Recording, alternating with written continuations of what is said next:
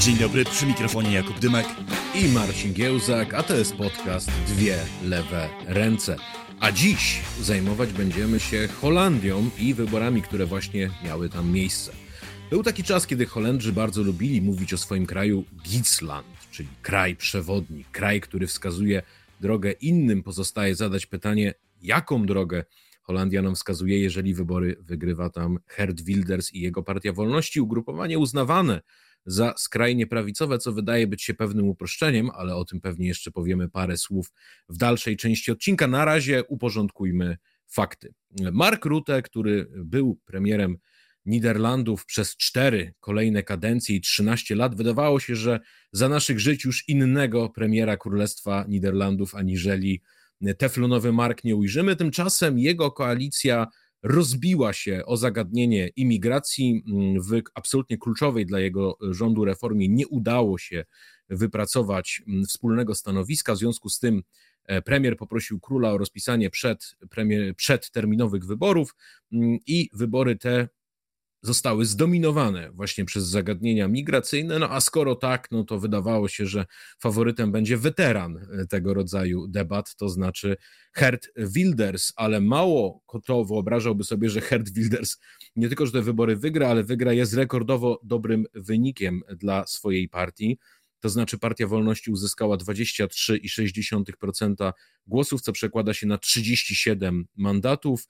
Dalej y, mamy porozumienie y, Lewicy, Partii Pracy oraz y, Zielonych.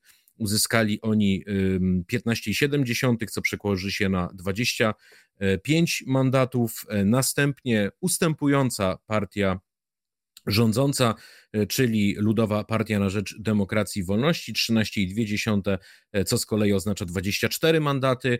Czwarte miejsce zajęła nowa umowa społeczna, partia taka nazwijmy ją post-chadecka, centrowa, 12,9, e, to oznacza 20 mandatów. Ta partia była też rewelacją tych wyborów, ponieważ jest to zupełnie nowe ugrupowanie, które pierwszy raz stawało do wyborów, a za nimi 11 innych komitetów wyborczych, ponieważ w Holandii tak już jest, że scena polityczna jest zawsze bardzo rozdrobniona, trochę jak u nas w latach 90. Niektórzy politolodzy mówią nawet o holenderyzacji parlamentu, jeżeli jest on wybitnie podzielony. No a to oznacza jedno: zawsze w Holandii rządzą takie bądź inne koalicje i Herd Wilders będzie potrzebował jeszcze około 40, nie wiem czy oni mówią szabel w tym mieszczańskim społeczeństwie, ale powiedzmy jeszcze 40 e, kolejnych parlamentarzystów, żeby móc liczyć na większość i móc rządzić, będzie się więc musiał rozglądać za koalicjantami i za koalicjantami rozglądają się również jego konkurenci. Chwilę to potrwa. Ostatnim razem Mark Rutte swój rząd komplementował 271 dni. No a Jakubie, pozwól, że w takim razie ja ciebie zapytam, mm, czy o taką skrajną prawicę, e, która popiera prawa gejów, aborcję, eutanazję mm, e, i, e, i właściwie no, cały pakiet, który u nas umiejscowiłby ich na skrajnej lewicy. Nic nie zrobiliśmy? Wiesz, im dłużej przyglądałem się postulatom i programowi ugrupowania Herta Wildersa, tym bardziej natrętnie nawiedzała mnie myśl o tym, że słuchaj, znam kogoś takiego, dla kogo jest to lewica marzeń. Antyimigrancka, antyislamska, popierająca e, inwestycje w mm, ochronę zdrowia i usługi publiczne, ale da, dla rdzennych mieszkańców, chcąca ograniczyć dzielenie się państwem dobrobytu z przyjezdnymi, eurosceptyczna, ale zarazem patriotyczna i zakorzeniona w ludzie.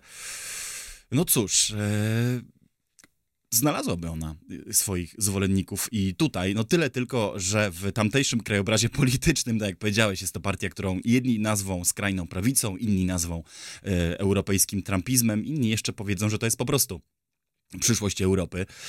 My trumpizmem tego nazywać nie będziemy. Nie będziemy też szukać na siłę analogii do polityki, czy to polskiej, czy to amerykańskiej, czy brytyjskiej, bo to trochę moim zdaniem pozbawione sensu, ponieważ e, jest to o czym wspominaliśmy także w jednym z ostatnich odcinków, raczej, nie wiem czy się zgodzisz, nowe wcielenie polityki kontynentalnej.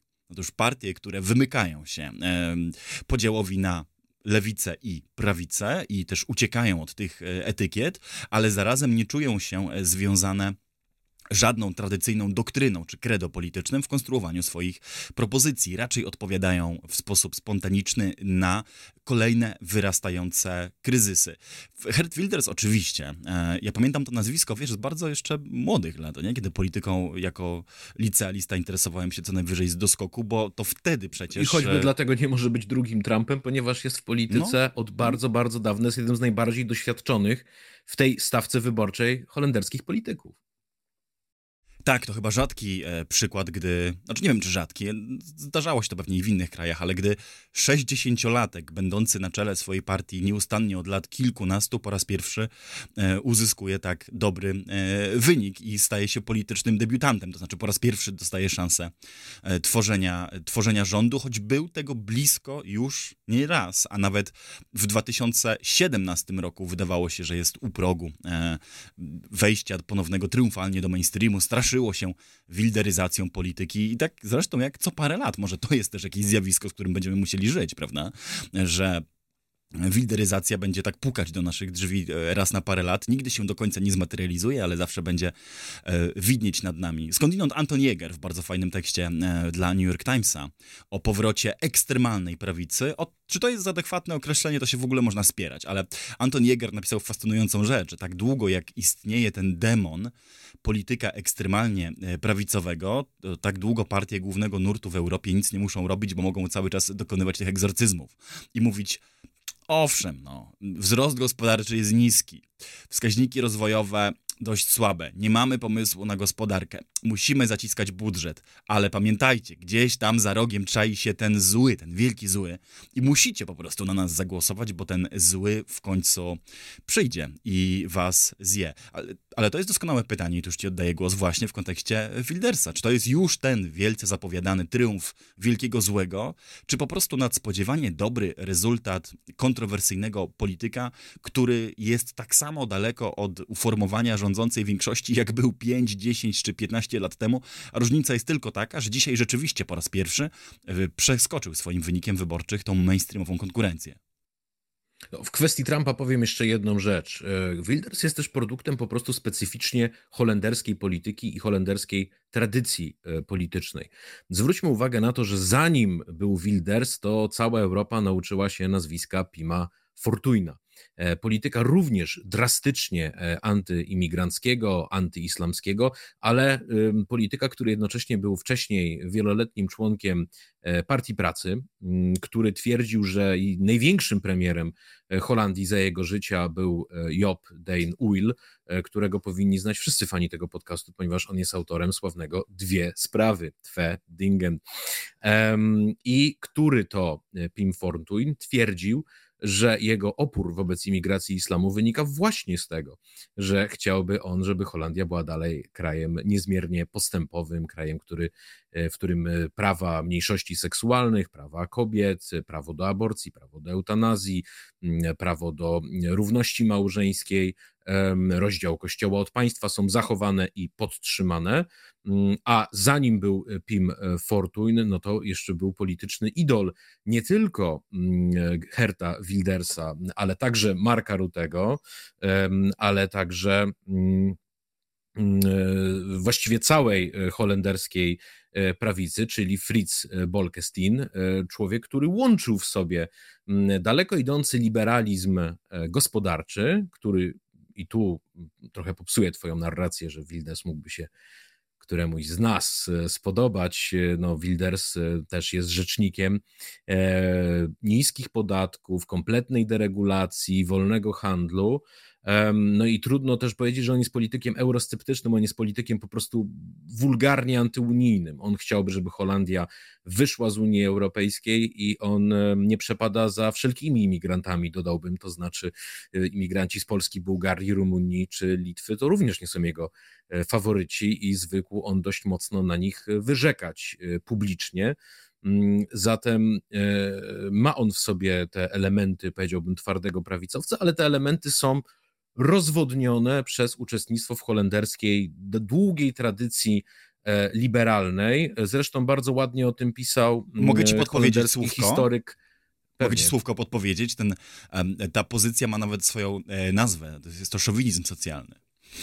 znaczy, że jesteśmy to za. To prawda, chociaż wiesz, ja nie wiem, czy on by, za... Y, y, na, na, na, ile on by zachował świadczenia socjalne dla Holendrów, jest według mnie też sprawą dyskusyjną, tak? Na ile wyborczo twierdzi, że tego nie ruszy i kieruje jedynie wstępnie gniew na imigrantów. No to jest coś chociażby, co u nas robiła Konfederacja. E, chcąc zaatakować świadczenia socjalne, atakowała Ukraińców, którzy je pobierają, no ale wyobrażamy sobie, co myślą o Polakach, którzy je pobierają. Ale to jest wątek poboczny. Zacząłem o tym mówić, co ciekawie scharakteryzował Henk de Velde, holenderski historyk, który napisał, że mm, i to cię może zaciekawić, jest Wilders e, takim dalekim echem holenderskich tradycji jakobińskich. Otóż holenderski y, liberalizm miał generalnie dwa oblicza. Jedno to było y, stwierdzenie, że liberalizm to jest w gruncie rzeczy umiarkowanie w polityce. Jak to pisał kiedyś Leon Bourgeois, racjonalizm polityczny mm, i że liberalizm po prostu dystansuje się od jakichkolwiek skrajności z prawa i z lewa. Tak? Dawniej liberalizm nie chciał ani kalwińskiej republiki, ani y, absolutystycznej monarchii, tylko zawsze musiał być w pół drogi i we wszystkich wielkich sporach był w pół drogi, no ale był też e, liberalizm radykalny, liberalizm jakobiński. Co go wyróżniał? Nacjonalizm, bezsprzecznie można Wildersowi nacjonalizm przypisać, osadzony także na takim poczuciu holenderskiej wyjątkowości. Spójrzcie, jak jesteśmy liberalni. Jesteśmy bardziej liberalni niż inne kraje. Wcześniej wprowadziliśmy równość małżeńską, możliwość korekty płci, legalizację miękkich narkotyków, etc. To świadczy o naszym wyjątkowym charakterze narodowym i o naszej lepszości względem innych. Ludowość, to znaczy zdrowy lud. Bardzo często Wilders mówi, że on kieruje swój przekaz polityczny do Henka i Ingrid, czyli do, no byśmy powiedzieli, Janusza i Grażyny, tak? Dla, do takich absolutnie zwyczajnych, normalnych, ciężko pracujących Holendrów, którzy w narracji samego Wildersa, tak w ogóle tradycyjnie to głosowali, jak i Pim e, Fortuyn, na partię pracy mm, a lewicę porzucili z powodów imigracyjnych e, i jej polityki względem imigracji. I dalej liberalizm rozumiany również po jakobińsku, nie jako rób sobie co chcesz, tylko liberalizm rozumiany w kategoriach tego, że musimy się zjednoczyć wokół fundamentalnych wartości konstytuujących naszą wspólnotę. A kto tych wartości nie wyznaje, ten do tej wspólnoty nie przynależy. Czyli to jest taka konstrukcja państwa aksjologicznego. Tutaj te wartości są nie chrześcijańskie, nie konserwatywne, one są na wskroś liberalne, liberalne ekonomicznie, liberalne światopoglądowo, liberalne właściwie na każdym odcinku. No i wreszcie ostatnia cecha upodabniającego w tej narracji Tewelde do mm, Jakobinów, antyklerykalizm i niechęć do, do religii, zwłaszcza do politycznego manifestowania tejże. No tylko, że w jego przypadku tą religią nie jest oczywiście rzymski katolicyzm, tylko islam. No a tu, i tu będzie ostatnie słowo, zanim oddam Ci głos, y, przypomnijmy tylko, że poglądy Wildersa no, wykraczają poza to, co powiedziałaby na ten temat powiedzmy Mette Fredriksen, to znaczy Wilders chciałby na przykład zakazania Bingo zapełnia posiadania... Się. Bingo, drodzy e... Państwo, zapełnia się z każdą minutą. E... Ten odcinek był proszeniem się o bingo. E... Na przykład chciałby zakazać posiadania Koranu. No to już jest mało liberalny pomysł, że rząd będzie decydował, jakie książki wolno mi mieć w domu, czy chciałby wprowadzić moratorium na budowę y, meczetów. Znowu bardzo mało liberalna idea. E, mówi się też, że chciałby zamykać meczety. To już jest lekka e, manipulacja. On jedynie powiedział, że chciałby robić to, co chociażby obecnie dzieje się we Francji czy w Holandii, to znaczy, że może być zamknięty meczet, który jest finansowany z Arabii Saudyjskiej i który ma na celu e, radykalizowanie w duchu wojującego dżihadyzmu nie natomiast, że tak w ogóle należy mm, zamykać meczety, chociaż kto go tam wie, kiedyś chciał, żeby powstało Ministerstwo do Spraw Deislamizacji Holandii. Ta definicja jakobinizmu, e, którą przytoczyłeś, jest tak szeroka, że obawiam się, że wspomniany już tu przez nas Donald Trump również by się w niej odnalazł, więc jakoś trudno jest mi to, trudno jest mi to przyjąć, bo jeżeli ujmujemy go tak, że ktoś wierzy w jakiś korpus narodowych wartości, e, którego trzeba e, bronić przed zewnętrznym zagrożeniem, ma antyklerykalny nurt w swoim myśleniu, i co tam jeszcze było elementem tej, tej definicji? Ludowość. Ludowość, proszę bardzo, ludowość. To mówię, y, to i pewne też takie transhistoryczne myślenie o wspólnocie, to i Donald Trump by się w, tym, w tej definicji jakobinizmu odnalazł.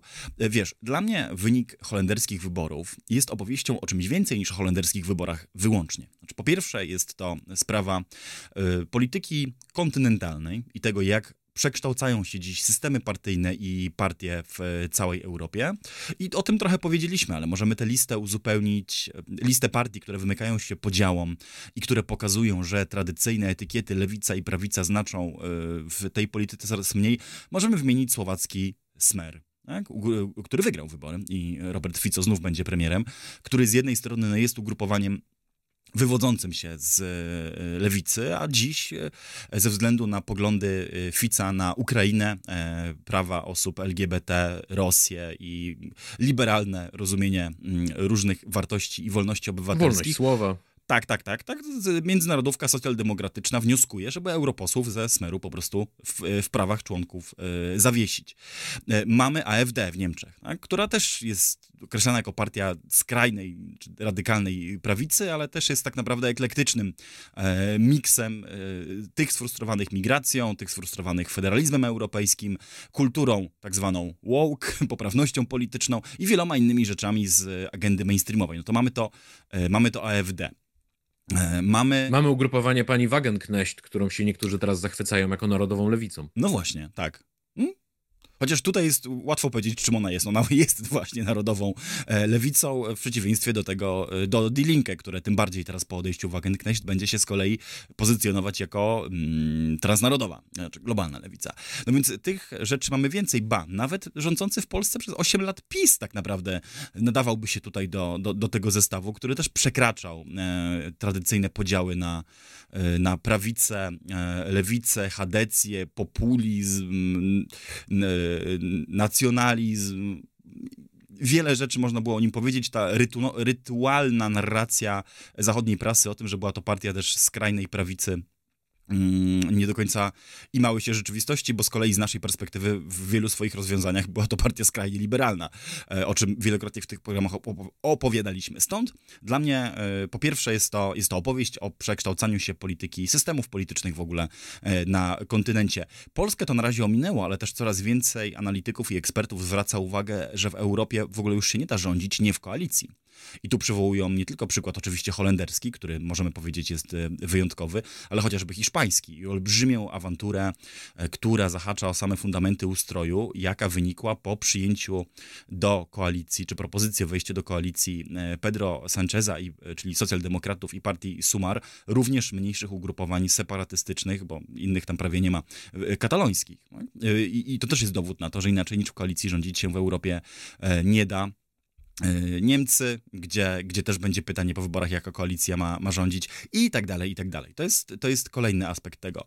Trzecia rzecz to e, migracja oczywiście i e, europejska hipokryzja, znaczy związana z problemem migracji. Z jednej strony nikt tej migracji nie chce i właściwie cały główny nurt się przes przesuwa na pozycję ograniczenia migracji, militaryzacji granic. E, w Holandii to widać bardzo wyraźnie. Tak, ale cały, kon cały kontynent się przesuwa w stronę prawicy Mm. I to widać czytelnie, niezależnie od kraju, a zarazem e, nie da się uciec od faktu, że wszyscy prowadzą w gruncie rzeczy bardzo otwartą politykę migracyjną i nikt nie ma pomysłu, jak rozwijać europejski, europejskie gospodarki, e, jak e, wyjść z kryzysu inflacyjnego, inwestować w te wszystkie technologie, ba i dalej jeszcze się zbroić bez napływowej siły roboczej. I tutaj możemy odwołać się do samej Holandii właśnie, gdzie y, nikt nie ma złudzeń, że kampania była o imigracji, a mówiąc wprost o jej ograniczeniu, a jednocześnie, gdy zajrzy się w statystyki holenderskiego y, rynku pracy, czy y, to, on, to owe statystyki pokazują, że sytuacja wygląda radykalnie inaczej niż ktoś mógłby się spodziewać po kampanii zakończonej zwycięstwem sił antyimigranckich. Otóż dzisiaj jest ujemna presja na rynek pracy w Holandii. Co to oznacza? To oznacza, że jest więcej e, miejsc pracy niż bezrobotnych. Znaczy więcej wolnych miejsc pracy i wakatów do zajęcia niż bezrobotnych. E, I to dziesięciokrotnie więcej niż 10 lat temu. W roku 2013 zajrzałem na statystyki y, holenderskiego y, Ministerstwa Pracy. 10 lat temu to było 12 wolnych miejsc pracy na 100 bezrobotnych, dzisiaj to jest 112. Więc, więc mamy de facto ujemną presję na, rynek pracy. Zatrudnienie jest najwyższe w historii e, i ten współczynnik aktywności zawodowej, znaczy czy liczba osób aktywnych zawodowo e, przyrasta tak bardzo, że liczymy to już nie w tysiącach, a w milionach nowych e, pracujących. Bezrobocie jest rekordowo niskie i tak dalej, i tak dalej. Więc obraz państwa, gdzie na przykład miejscowi tracą pracę przez, e, przez migrantów albo że jest duży kryzys na rynku pracy, zupełnie się z tych statystyk nie wyłania. Mm? Podobnie jest, podobnie jest w wielu innych e, miejscach, gdzie, gdzie obawy związane z migracją rosną na sile, a sytuacja na rynku pracy jest rekordowo dobra, że wymienię w tym gronie naszą, e, naszą ojczyznę. Innym zabawnym przykładem, o którym przecież warto tu wspomnieć, jest oczywiście Wielka Brytania, gdzie najpierw doszło do Brexitu i obiecywano, że pierwszą rzeczą, która się stanie wskutek Brexitu, to to, że Wielka Brytania odzyska kontrolę nad własnymi własnymi granicami mm, i że będzie wreszcie mogła prowadzić świadomą politykę migracyjną. Tymczasem niedawno dokonano rewizji statystyk Home Office na temat e, liczby e, przybyszy i migracji netto do Wielkiej Brytanii. I co tuż się stało? Za rok 22 dokonano tej rewizji w górę i e, z liczby już samej w sobie rekordowej 606 tysięcy migrantów netto przybyłych do Wielkiej Brytanii dokonano korekty na jedyne 745 tysięcy migrantów netto, e, a zatem e, można powiedzieć, że e, gabinet Rishiego Sunaka pobił rekord historyczny Wielkiej Brytanii nawet nie raz, a dwa razy. Dlaczego mówię o tym o hipo, jako o hipokryzji? No właśnie dlatego o tym mówię jako o hipokryzji, że w, w, wszędzie w Europie na popularności zdobywają rosną w e, siłę i zdobywają popularność ruchy, które są e, antyimigracyjne lub wzywają do ograniczenia migracji, a jednocześnie e, właściwie większość rządów prowadzi z braku wyboru politykę, która, która jest po prostu polityką nastawioną na intensywną migrację, bo tego wyboru nie ma. Jeżeli zobaczy się na przykład, kto odpowiada za migrację do Wielkiej Brytanii, to nawet po ucięciu tych studentów z Unii Europejskiej, nawet już po wyprowadzce obywateli innych krajów Europy, z UK, po Brexicie, nawet po ubytku studentów i tak dalej, i tak dalej. Koniec końców okazuje się, że za chyba tam 80% e, nowo przybyłych e, odpowiadają e, zawody medyczne i, opieka. No, któż by mógł się spodziewać, że w starzejącym się społeczeństwie, które będzie potrzebowało coraz więcej rąk do pracy w opiece, akurat w tej niszy trzeba będzie znajdywać pracowników poza granicami nie tylko własnego kraju, ale i kontynentu. I ta historia powtarza się i będzie się powtarzać, powtarzać, powtarzać. No chyba, że jakimś magicznym sposobem e, politycy tacy jak Hert Wilders e, albo na przykład Marine Le Pen e, znajdą ten złoty środek i wymyślą sposób na zabezpieczenie europejskich no po prostu systemów ochrony zdrowia, na przykład systemów opieki bez zatrudniania do tego migranckich rąk do pracy. Dwie sprawy, pozostając w holenderskiej poetyce. Pierwsza rzecz, powiedziałeś, że wszyscy się przesuwają na prawo. To już jest pewnego rodzaju odruch językowy, że polityka restrykcyjna względem imigracji jest utożsamiana z prawicą, a liberalna utożsamiana z lewicą. Ja bym z tym odruchem nieco walczył, to znaczy tradycyjnie jednak polityką partii lewicowych e, była polityka mm, e, ograniczania e, migracji zarobkowej, no bo raczej związki zawodowe ku temu parły, a związki pracodawców parły ku liberalizacji, a więc tam ta polityka była bardziej, bardziej naturalnie utożsamiana z prawicą, przynajmniej dawniej i uważam, że teraz wszyscy z grubsza wracają na pozycje dla siebie właściwe, to znaczy Rishi Sunak ma e, blisko 750 tysięcy migrantów, a Keir Starmer, przywódca e, lewicowej opozycji, mówi, że liczby te są szokujące i znamionują one klęskę rządu. Nie ma rzeczy, Natomiast... której Keir Starmer nie powie w kampanii wyborczej. Natomiast druga rzecz, na którą bym zwrócił uwagę, to oczywiście nie są wyłącznie zagadnienia o charakterze ekonomicznym. E, i nie da się tego sprowadzić wyłącznie do rynku pracy. Nie jest przypadkiem, że e, koalicja holenderska, na czele której stał Mark Rutte, rozpadła się, pomimo że właściwie wszyscy się zgadzali, że chcą ograniczyć migrację. Jedynie nie zgadzali się co do tego, do jakiego stopnia to zrobić i jakich użyć narzędzi, aby to uczynić. I jak patrzymy na kolejne partie, które weszły do parlamentu, to one też zapowiadają, że chcą ograniczyć imigrację. No, dla przykładu, nowa umowa społeczna mówi, że w ogóle limit roczny wszystkich migrantów, którzy przybędą do kraju bez względu na powód, to 50 tysięcy.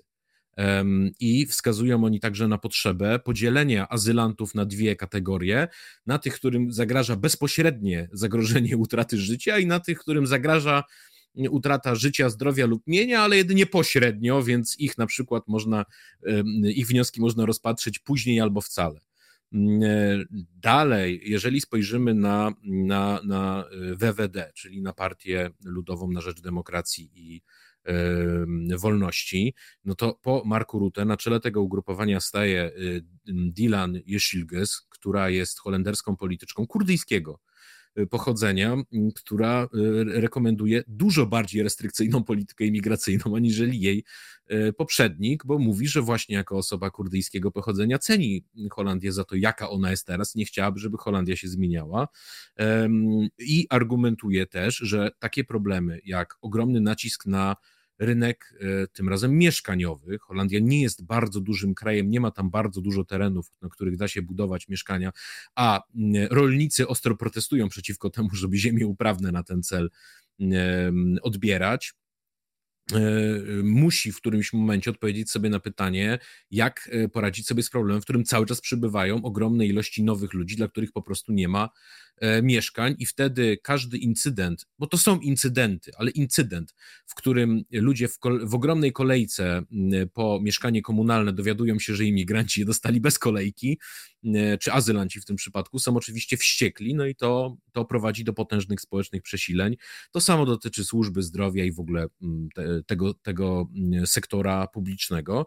E, no i zwróćmy uwagę, że holenderska lewica starając się łączyć ogień z wodą, e, jednak też zapowiada cały szereg posunięć mających na celu e, ograniczenie migracji i już w pierwszym akapicie ich programu, w punkcie dziewiątym, który dotyczy migracji, padają takie słowa jak spójność społeczna, bezpieczeństwo, czyli krótko mówiąc, no zdają sobie doskonale sprawę mm, z tego, co to znaczy separatyzm, co to znaczy brak integracji Mm, co to znaczy zagrożenie zamachami terrorystycznymi, no bo jednak Holandia się zmieniła, kiedy, kiedy zamordowany na środku ulicy został Theo van Gogh e, i myślę, że na nastroje Holendrów też wpłynął zamach terrorystyczny, który miał miejsce w, w bratniej e, Belgii.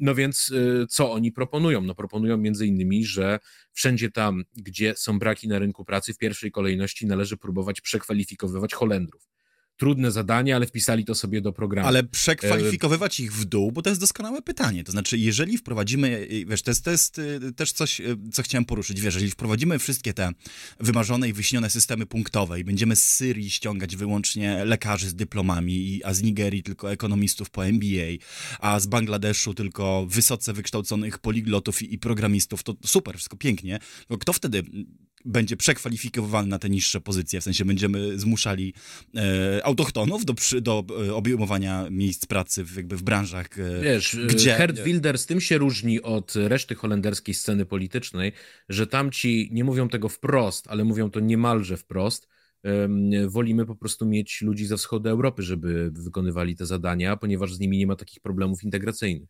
Mhm, bo to jest, wiesz, znowu, e, łatwo się, e, znaczy ja rozumiem, dlaczego się ucieka z tematu gospodarki na, na, na tematy kulturowe, bo o nich można tak odpowiadać w, w wielkich kategoriach, niedookreślonych, e, nie trzeba się konfrontować z liczbami, natomiast problem modelu rozwojowego jest realny. To znaczy, dlaczego ja mówię o tym cały czas jako o hipokryzji? Nie dlatego, że jakoś domagam się, wiesz, otwartych granic i tego, żeby każda partia tutaj w, ściągała e, masowo nieograniczoną liczbę pracowników e, z krajów pozaeuropejskich, tylko raczej widzę to odwrotnie. Znaczy, żadna partia nie zaproponowała jeszcze, jak chce wyjść z problemu, e, że nie nie umie jakby zaproponować in, innego systemu, modelu. Tu lewica by się mogła wykazać, wiesz, tylko tego nie robi, ale tu lewica by się mogła wykazać. Tak, znaczy, znaczy Partia jaki... Pracy napisała w swoim programie, nie wolno oddać tematu migracji rynkowi. To jest dobre hasło, tylko co idzie dalej za tym hasłem? Jaka, jaka jest treść? No bo faktycznie to przekwalifikowanie, no to jest trochę to jest propozycja przekwalifikowywania w dół w dużej mierze. Podobnie jak e, mówienie, że mm, temat integracyjny zostanie rozwiązany, jeżeli będziemy dużo bardziej sumiennie podchodzić do tego, że wszyscy muszą się nauczyć języka niderlandzkiego. To mi się wydaje początek procesu integracji czy asymilacji, a nie jego e, zwieńczenie. No, podobnie bardzo podkreślają, że chcą rozróżniać imigrację legalną od nielegalnej i że trzeba mieć w ogóle każda zdrowa polityka e, musi polegać na tym, żeby odsyłać człowieka do jego kraju pochodzenia, ale na tym samym oddechu dodają, no ale nie można odsyłać kogoś do kraju, w którym e, może e, grozić mu jakiekolwiek niebezpieczeństwo. No a bardzo często są to kraje, w którym jako z definicji grozi ludziom niebezpieczeństwo.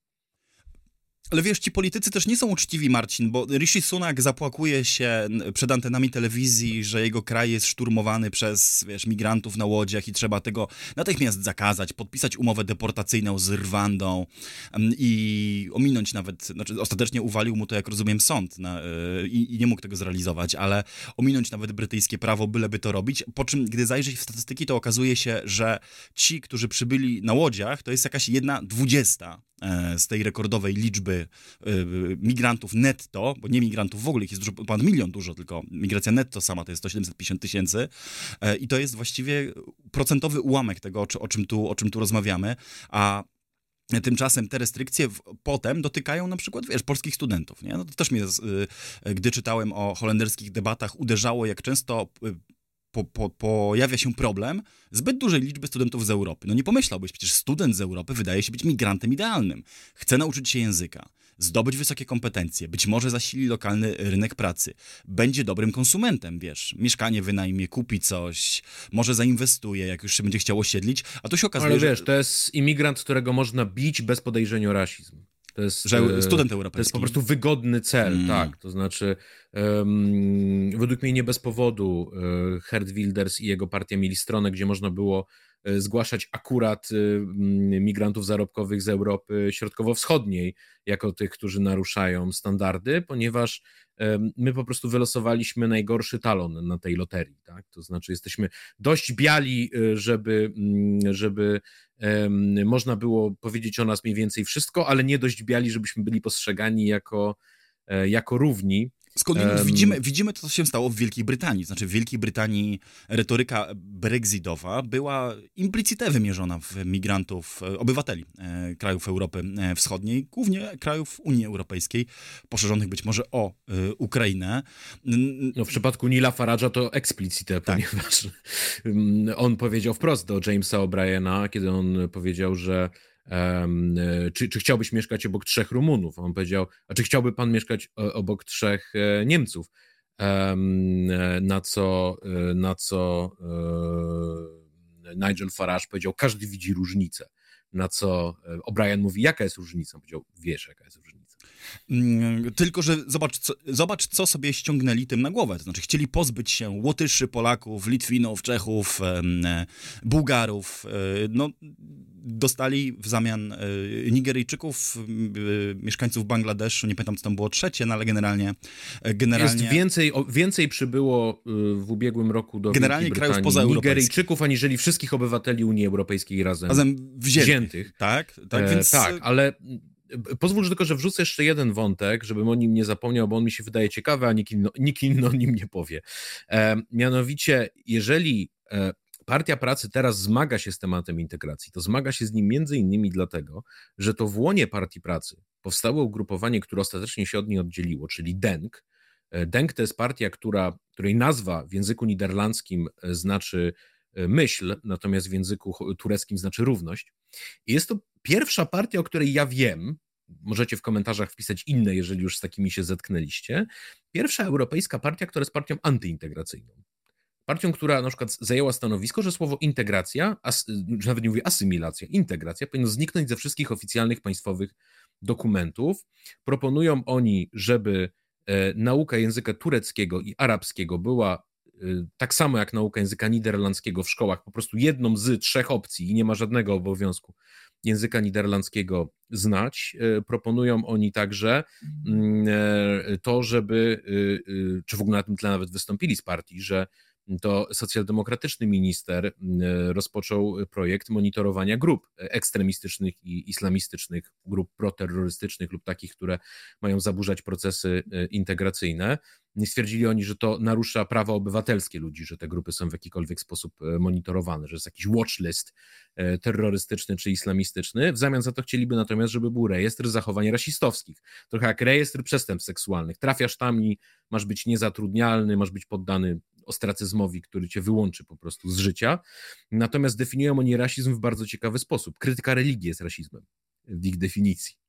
Czyli powiesz coś nie tak o proroku y, i to ma być y, penalizowane. I jest to jednocześnie partia, która mm, według mnie może z łatwością być nazwana partią zewnętrzną, w tym rozumieniu, że ona rewelacyjne relacje z OKP Racepa Tayyipa Erdoana, które wychodzą między innymi przy tym, że byli jedyną holenderską partią polityczną, która w momencie, w którym holenderska dziennikarka tureckiego e, pochodzenia Ebru Omar została aresztowana za tweeta w Turcji, który obrażał e, pre prezydenta, popełniła les majesté, to wszystkie holenderskie partie się z nią solidaryzowały i żądały jej uwolnienia, poza tą partią. I analogicznie nie trzeba było w Holandii nikogo przekonywać do podniesienia ręki za uznania za uznaniem ludobójstwa Ormian za fakt, y, poza tą jedną partią, która stwierdziła, że nie ma żadnych dowodów na to, że miało miejsce ludobójstwo, miały miejsce pewne wydarzenia mm, i należy pochylić głowę, cytuję, nad tureckimi i ormiańskimi ich ofiarami.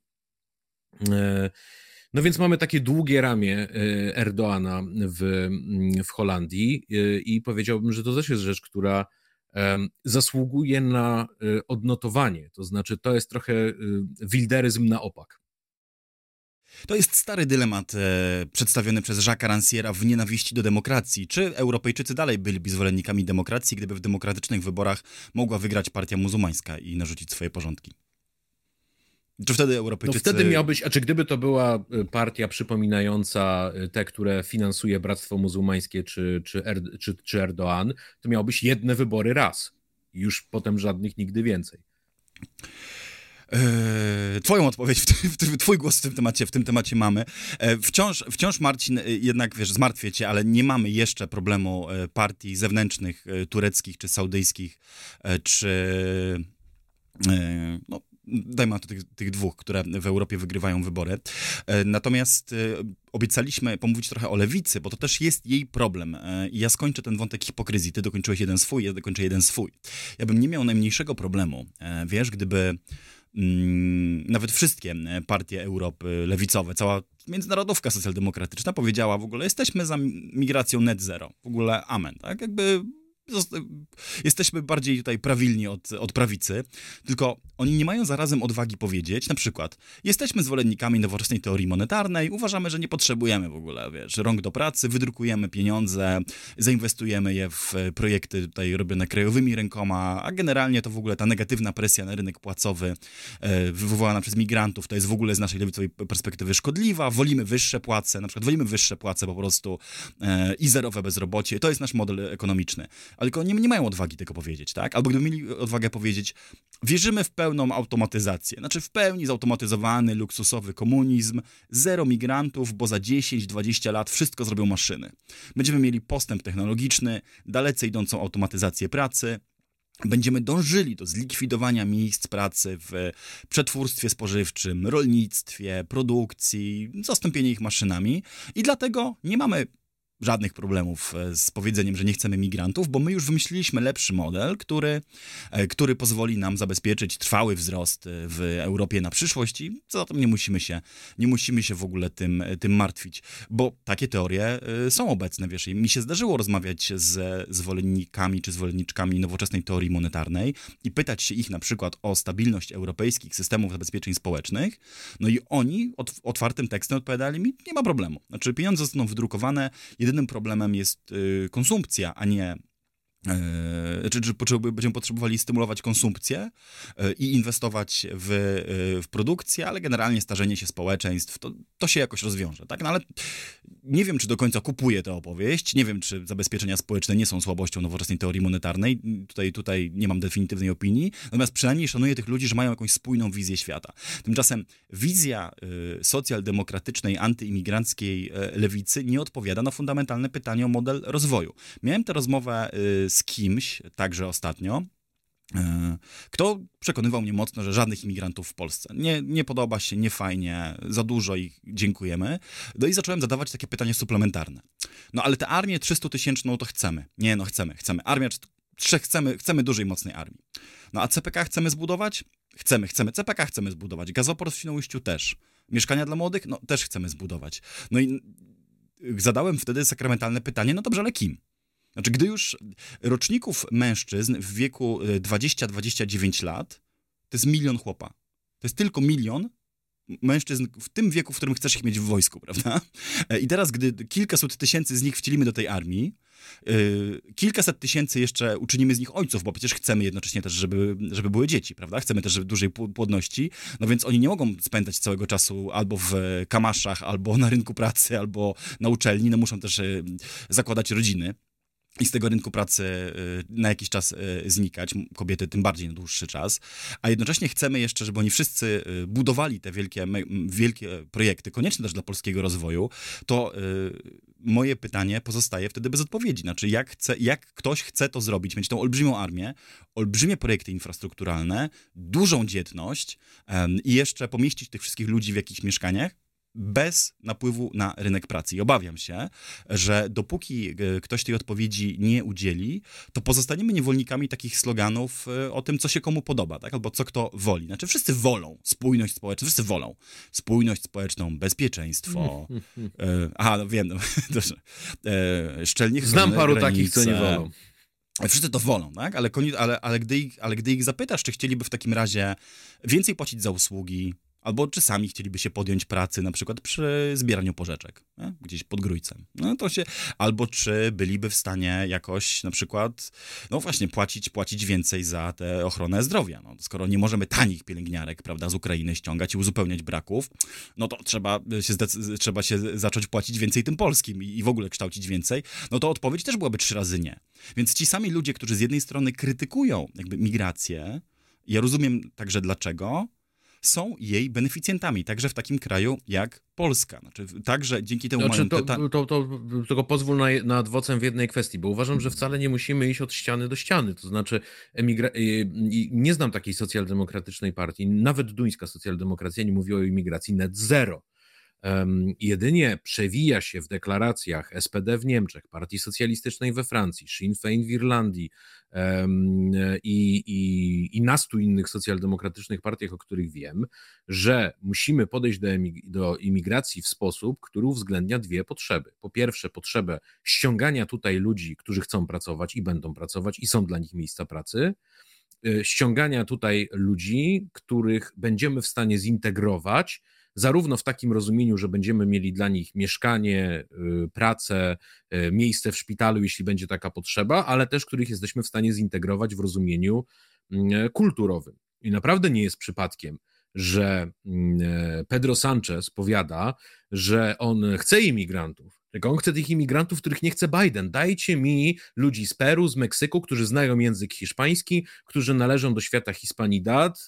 i których ja wiem, że tu u siebie będę w stanie zintegrować znacznie łatwiej, aniżeli ludność na przykład, która by przybyła z subsaharyjskiej Afryki. Więc ilość, kierunek e, migracji, e, to wszystko również ma e, znaczenie. I no nie jest przypadkiem, że ludzie, którzy migrują z Nigru do Nigerii, integrują się tam znacząco łatwiej, gdzie masz cały szereg y, wspólnot językowej, plemiennej i tak dalej, aniżeli ci sami ludzie w Madrycie. E, no i podobnie myślę, że ludzie, którzy urodzili się w Urugwaju, pewnie zintegrują się lepiej w Madrycie, aniżeli w Londynie.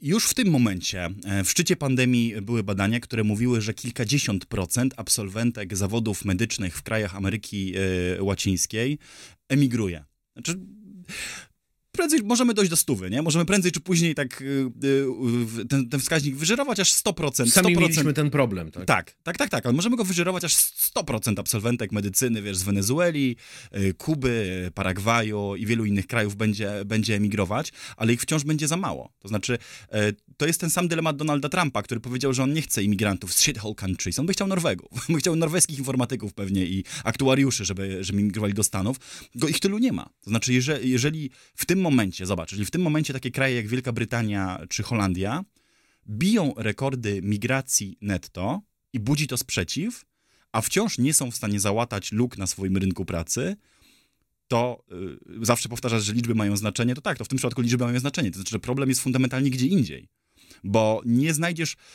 Świetnym przykładem jest Ukraina, to też wielokrotnie powtarzam. To znaczy, paradoksalnie nieszczęście Ukrainy jest zyskiem Polski netto, nikt tego nie chce powiedzieć otwarcie, e, bo do Polski przez lata, robiłem o tym cały wywiad z doktorem habilitowanym Pawłem Kaczmarczykiem, szefem Zakładu Badań nad Migracjami UW, przez całe lata do Polski przyjeżdżał migrant idealny. Znaczy mężczyzna, zdrowy, nie pobierający świadczeń, uczący się szybko języka i e, taki, który sezonowo jeszcze wyjeżdżał z tej Polski, no bo nie, nie ściągał tu rodziny, tylko wracał do tej rodziny w Ukrainie. No byliśmy, beneficjent, byliśmy beneficjentami tego.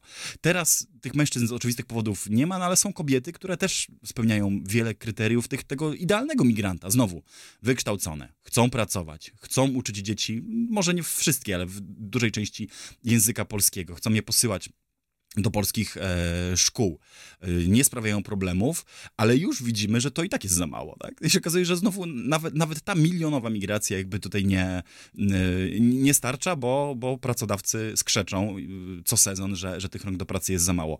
Masz rację, kiedy mówisz, że liczby mają znaczenie, tylko problem leży, leży w tym fundamentalnym problemie.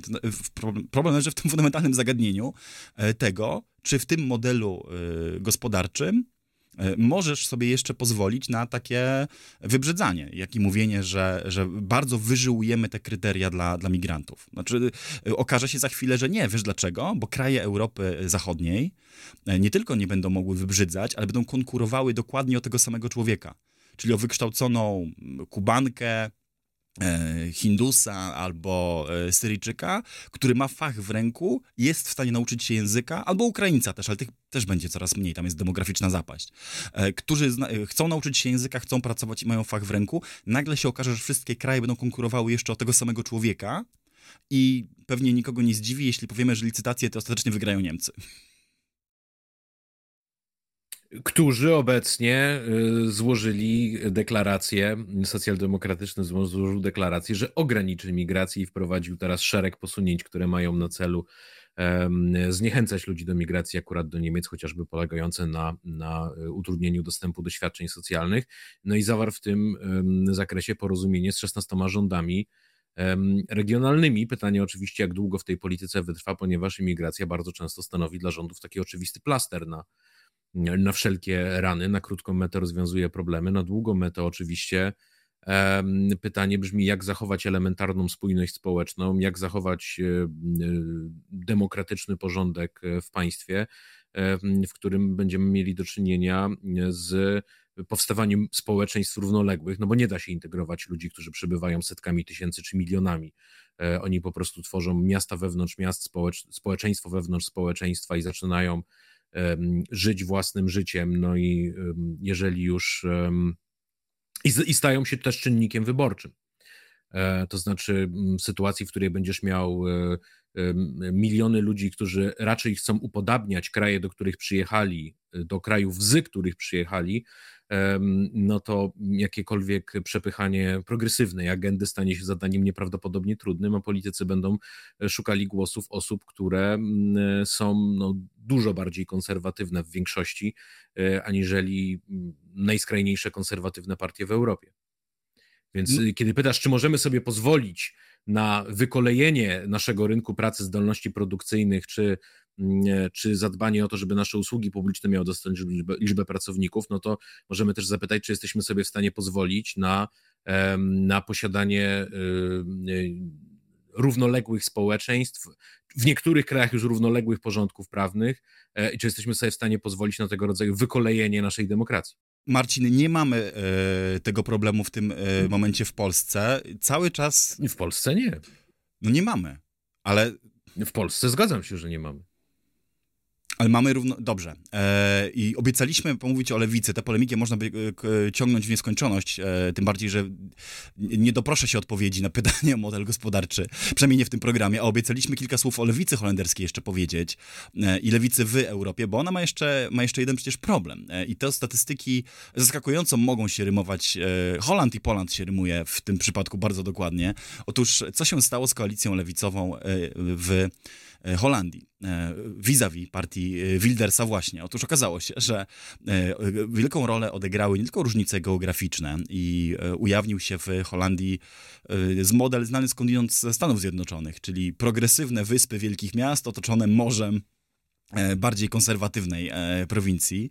No, w Europie się na to mówi efekt Monachium, bo w Bawarii Monachium zawsze głosuje na lewo, a cała reszta Bawarii zawsze głosuje na prawo. Tak, ale to już jest, to już jest problem, który nie jest ani niemiecki, ani amerykański, ani holenderski, bo on już też jest, też jest po prostu powszechny, że to rozbicie geograficzne staje Wilders się... Wilders w Amsterdamie dostał całe 8%. Tak, staje się... A w kraju 23, tak? Zaraz... Eee, zaraz... Prawie 24, tak. Eee, więc to już nie jest problem, to już nie jest problem jednego kraju, to już jest, e, należy powiedzieć, jakaś e, polityczna stała e, w świecie zachodu. Ale co się stało z Wildersem i Lewicą? Otóż Lewica zgarnęła trzykrotnie więcej głosów niż partia Wildersa wśród najbardziej wykształconych Holendrów. Dwukrotnie więcej wśród średnio, przepraszam, trzykrotnie więcej wśród najlepiej wykształconych, ale już wśród tych z wykształceniem średnich proporcje były odwrotne, było 2-1 dla, dla Wildersa, a wśród y, osób z niższym wykształceniem prawie 3 do 1 dla y, Wildersa. No zupełnie jakbyś widział tutaj Polskę na tym obrazku, albo problem y, amerykański w, mniejszych proporcjach. I to się będzie też reprodukować w kolejnych krajach. Lewica, czy się to komuś podoba, czy nie, i pomimo jakichś też starań, nie wiem jak jest w Danii, jeżeli znasz statystyki dla Danii, to, to chętnie zostanę ubogacony, ale lewica w coraz to kolejnych krajach, niezależnie od kroków, które podejmuje i retoryki, jaką, czy to bardziej suwerennościową, czy to bardziej antyimigracyjnej, czy to bardziej tradycyjnej, no, y, to już wspomniany przeze mnie Kirchstarmer, to już każdej retoryki spróbuje, ale nie może wyjść z tej pułapki bycia partią elit edukacyjnych swoich społeczeństw proporcje są uderzające.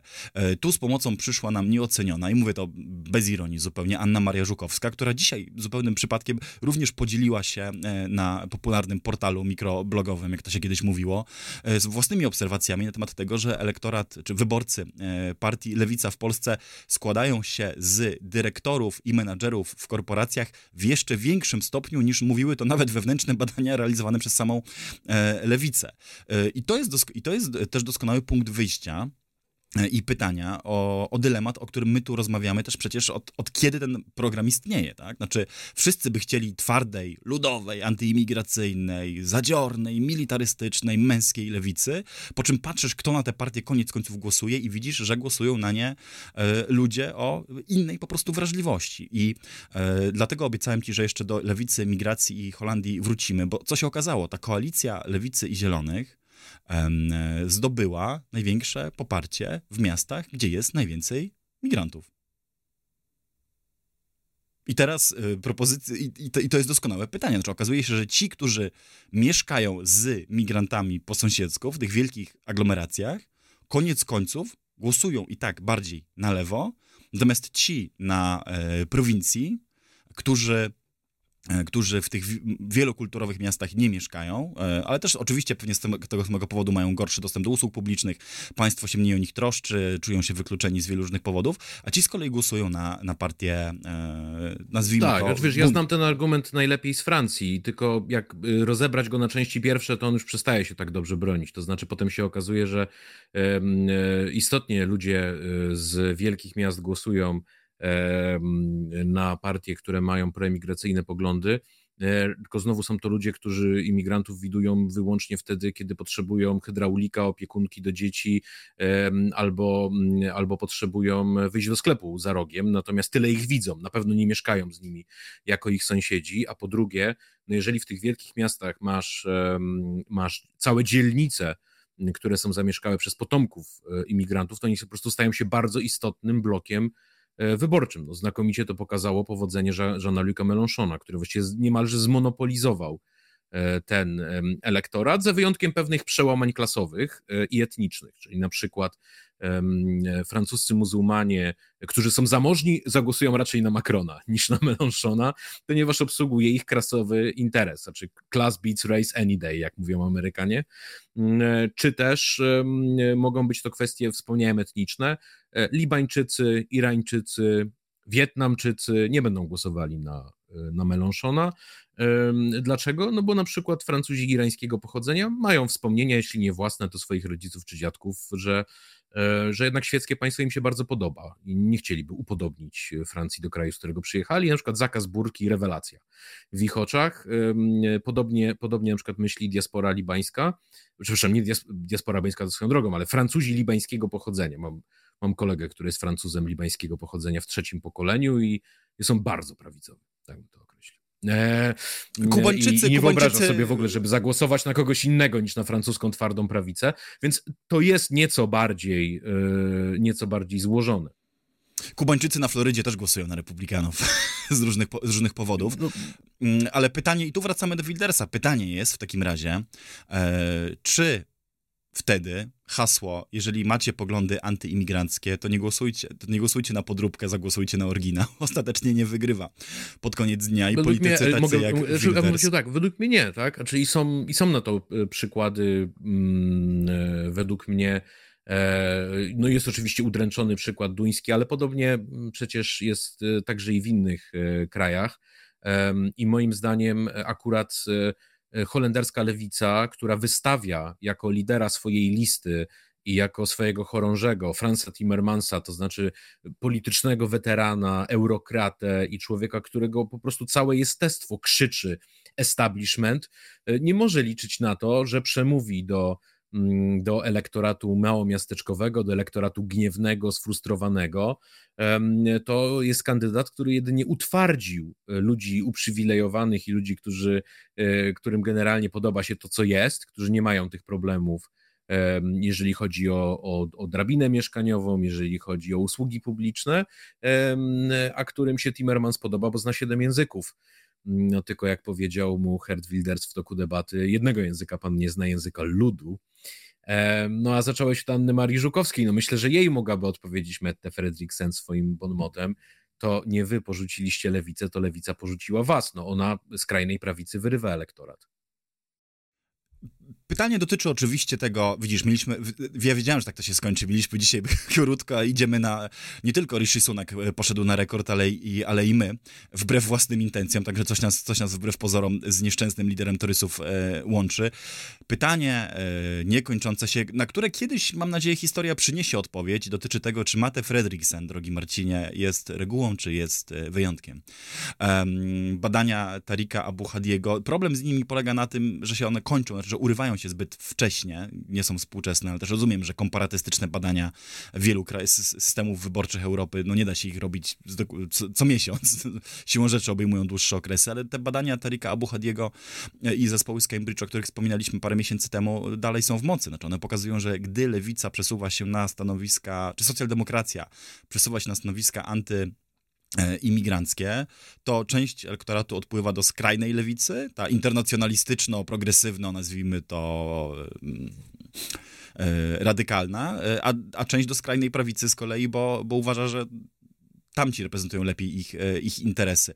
A może to wszystko, i to potwierdzają badania, nie? Znaczy z tych badań wynika raczej, że Mate Fredriksen nie jest regułą, że jest wyjątkiem. Ale jako, że nie mamy ostatecznej odpowiedzi, to ja poprzestanę na tej intuicji, która jakoś mi towarzyszy. Moim zdaniem skończy się tak, jak to się musi w Europie skończyć, czyli skończy się na pewnej hipokryzji, którą też już przetestował prezydent Biden, a i w Polsce przetestuje w najbliższych miesiącach Donald Tusk. To znaczy partie liberalne, czy partie centrum będą w swojej retoryce humanitarne, mm, progresywne, umiarkowane, ale politykę będą prowadziły po prostu dokładnie taką samą, jaką e, zastały. Nie? Czyli, czyli raczej będą starały się migrację od Europy odpychać, ograniczać politykę azylu yy, i przy jednoczesnym dość dużym otwarciu na yy, migrację zarobkową w poczuciu też oszukując się, że ona będzie, że ona będzie czasowa, ale to będzie cały czas polityka hipokryzji. To jest to samo, co było z Bidenem, który gdy szedł po e, zwycięstwo wyborcze, no to obiecywał, że zburzy mur Trumpa, uwolni dzieci z klatek, przestanie rozdzielać rodziny i, e, i wreszcie naprawi amerykańską politykę migracyjną. Gdy urząd objął, to po prostu kontynuował wszystko to samo, co się działo, tylko przyklejając do tego e, uśmiech. Tak? I, I, myślę, że to samo będzie, to samo będzie w, w Europie, że ostatecznie e, kształt polityki migracyjnej na kontynencie zostanie podyktowany nie programami politycznymi, lecz brutalnymi okolicznościami, które, które to narzucą, a partie głównego nurtu będą się po prostu różnić na poziomie retoryki, lecz nie faktów. Bo i przecież, obiecuję, tu zbliżam się do końca, bo i przecież, czy ty I czy my wierzymy tak naprawdę, że Hert Wilders ma też zdolność przeprowadzenia wszystkich e, swoich pomysłów i też tak naprawdę wierzymy, że yy, klątwa populizmu się w jego akurat konkretnym przypadku odwróci i on będzie wyjątkiem od tej reguły, która mówi, że populiści najczęściej przegrywają, gdy po raz pierwszy da się im okazję rządzić, bo wtedy się okazuje, że ich po prostu pomysły są nie do zrealizowania. Znaczy wiesz, albo, że brakuje ten materiał im... może się bardzo źle zestarzeć, ale ja uważam, że jemu się nie uda powołać tego rządu. To znaczy uważam, że na koniec dnia E, Dylan Jeszilges e, powie, no że no jednak no nie jesteśmy w stanie wejść w porozumienie z Hertem Wildersem, nasz elektorat tego nie zrozumie i tak dalej.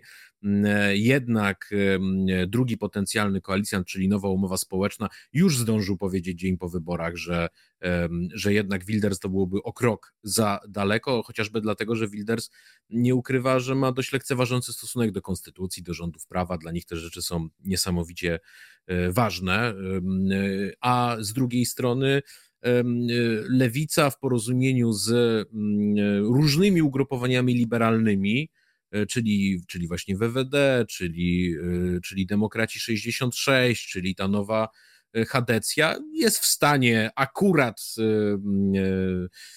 te, te 76-79 mandatów uzbierać i, i być w stanie rządzić. Więc na tym etapie wydaje mi się, że po, po prostu potrwa to pewnie bardzo długo, ale powstanie wielka koalicja bez Wildersa.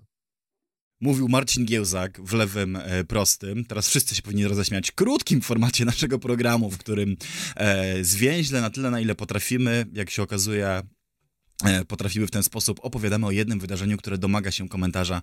Dziś o triumfie, być może krótkotrwałym Herta Wildersa i migracyjnej hipokryzji e, Europy. Bardzo dziękujemy Wam za spędzoną e, z nami godzinę dziś i przypominamy, że jeżeli podobają Wam się te formaty i chcecie ich jeżeli ktoś odważy się chcieć ich więcej, to najłatwiej pomóc nam zrealizować te e, zobowiązanie, wchodząc na patronite.pl ukośnik DLR i wybierając jeden z progów wsparcia. A wybierając którykolwiek e, z tych progów teraz, jeszcze dodatkowo wejdziecie w posiadanie zaproszenia na jedno ze spotkań w ramach naszej trasy po Polsce. Trasy, która cały czas się rozrasta. W tym momencie już mamy na pewno e, umówione cztery terminy grudniowe. Będziemy we Wrocławiu, będziemy w Opolu, będziemy w Krakowie, będziemy w Trójmieście, ale już, już trwają rozmowy na temat tego, żeby tą trasę wydłużać na E, na kolejne miasta. Ja także będę, co prawda, osamotniony, mm, ale e, w zamian za to nie tylko dla naszych wspierających, ale dla wszystkich chętnych już jutro o 18 w Łodzi w księgarni odkrywcy, gdzie porozmawiamy e, na temat książki Wieczna Lewica, więc na, na to wydarzenie Was zapraszam. Jutro, czyli kiedy? Powiedz datę, bo nie wiadomo, kto jakiego dnia odpali nasz e, dzisiejszy program. 29 mm, e, listopada o godzinie 18 księgarnia odkrywcy. Zapraszamy najgoręcej i żegnamy się tradycyjnym do usłyszenia i zobaczenia już niebawem.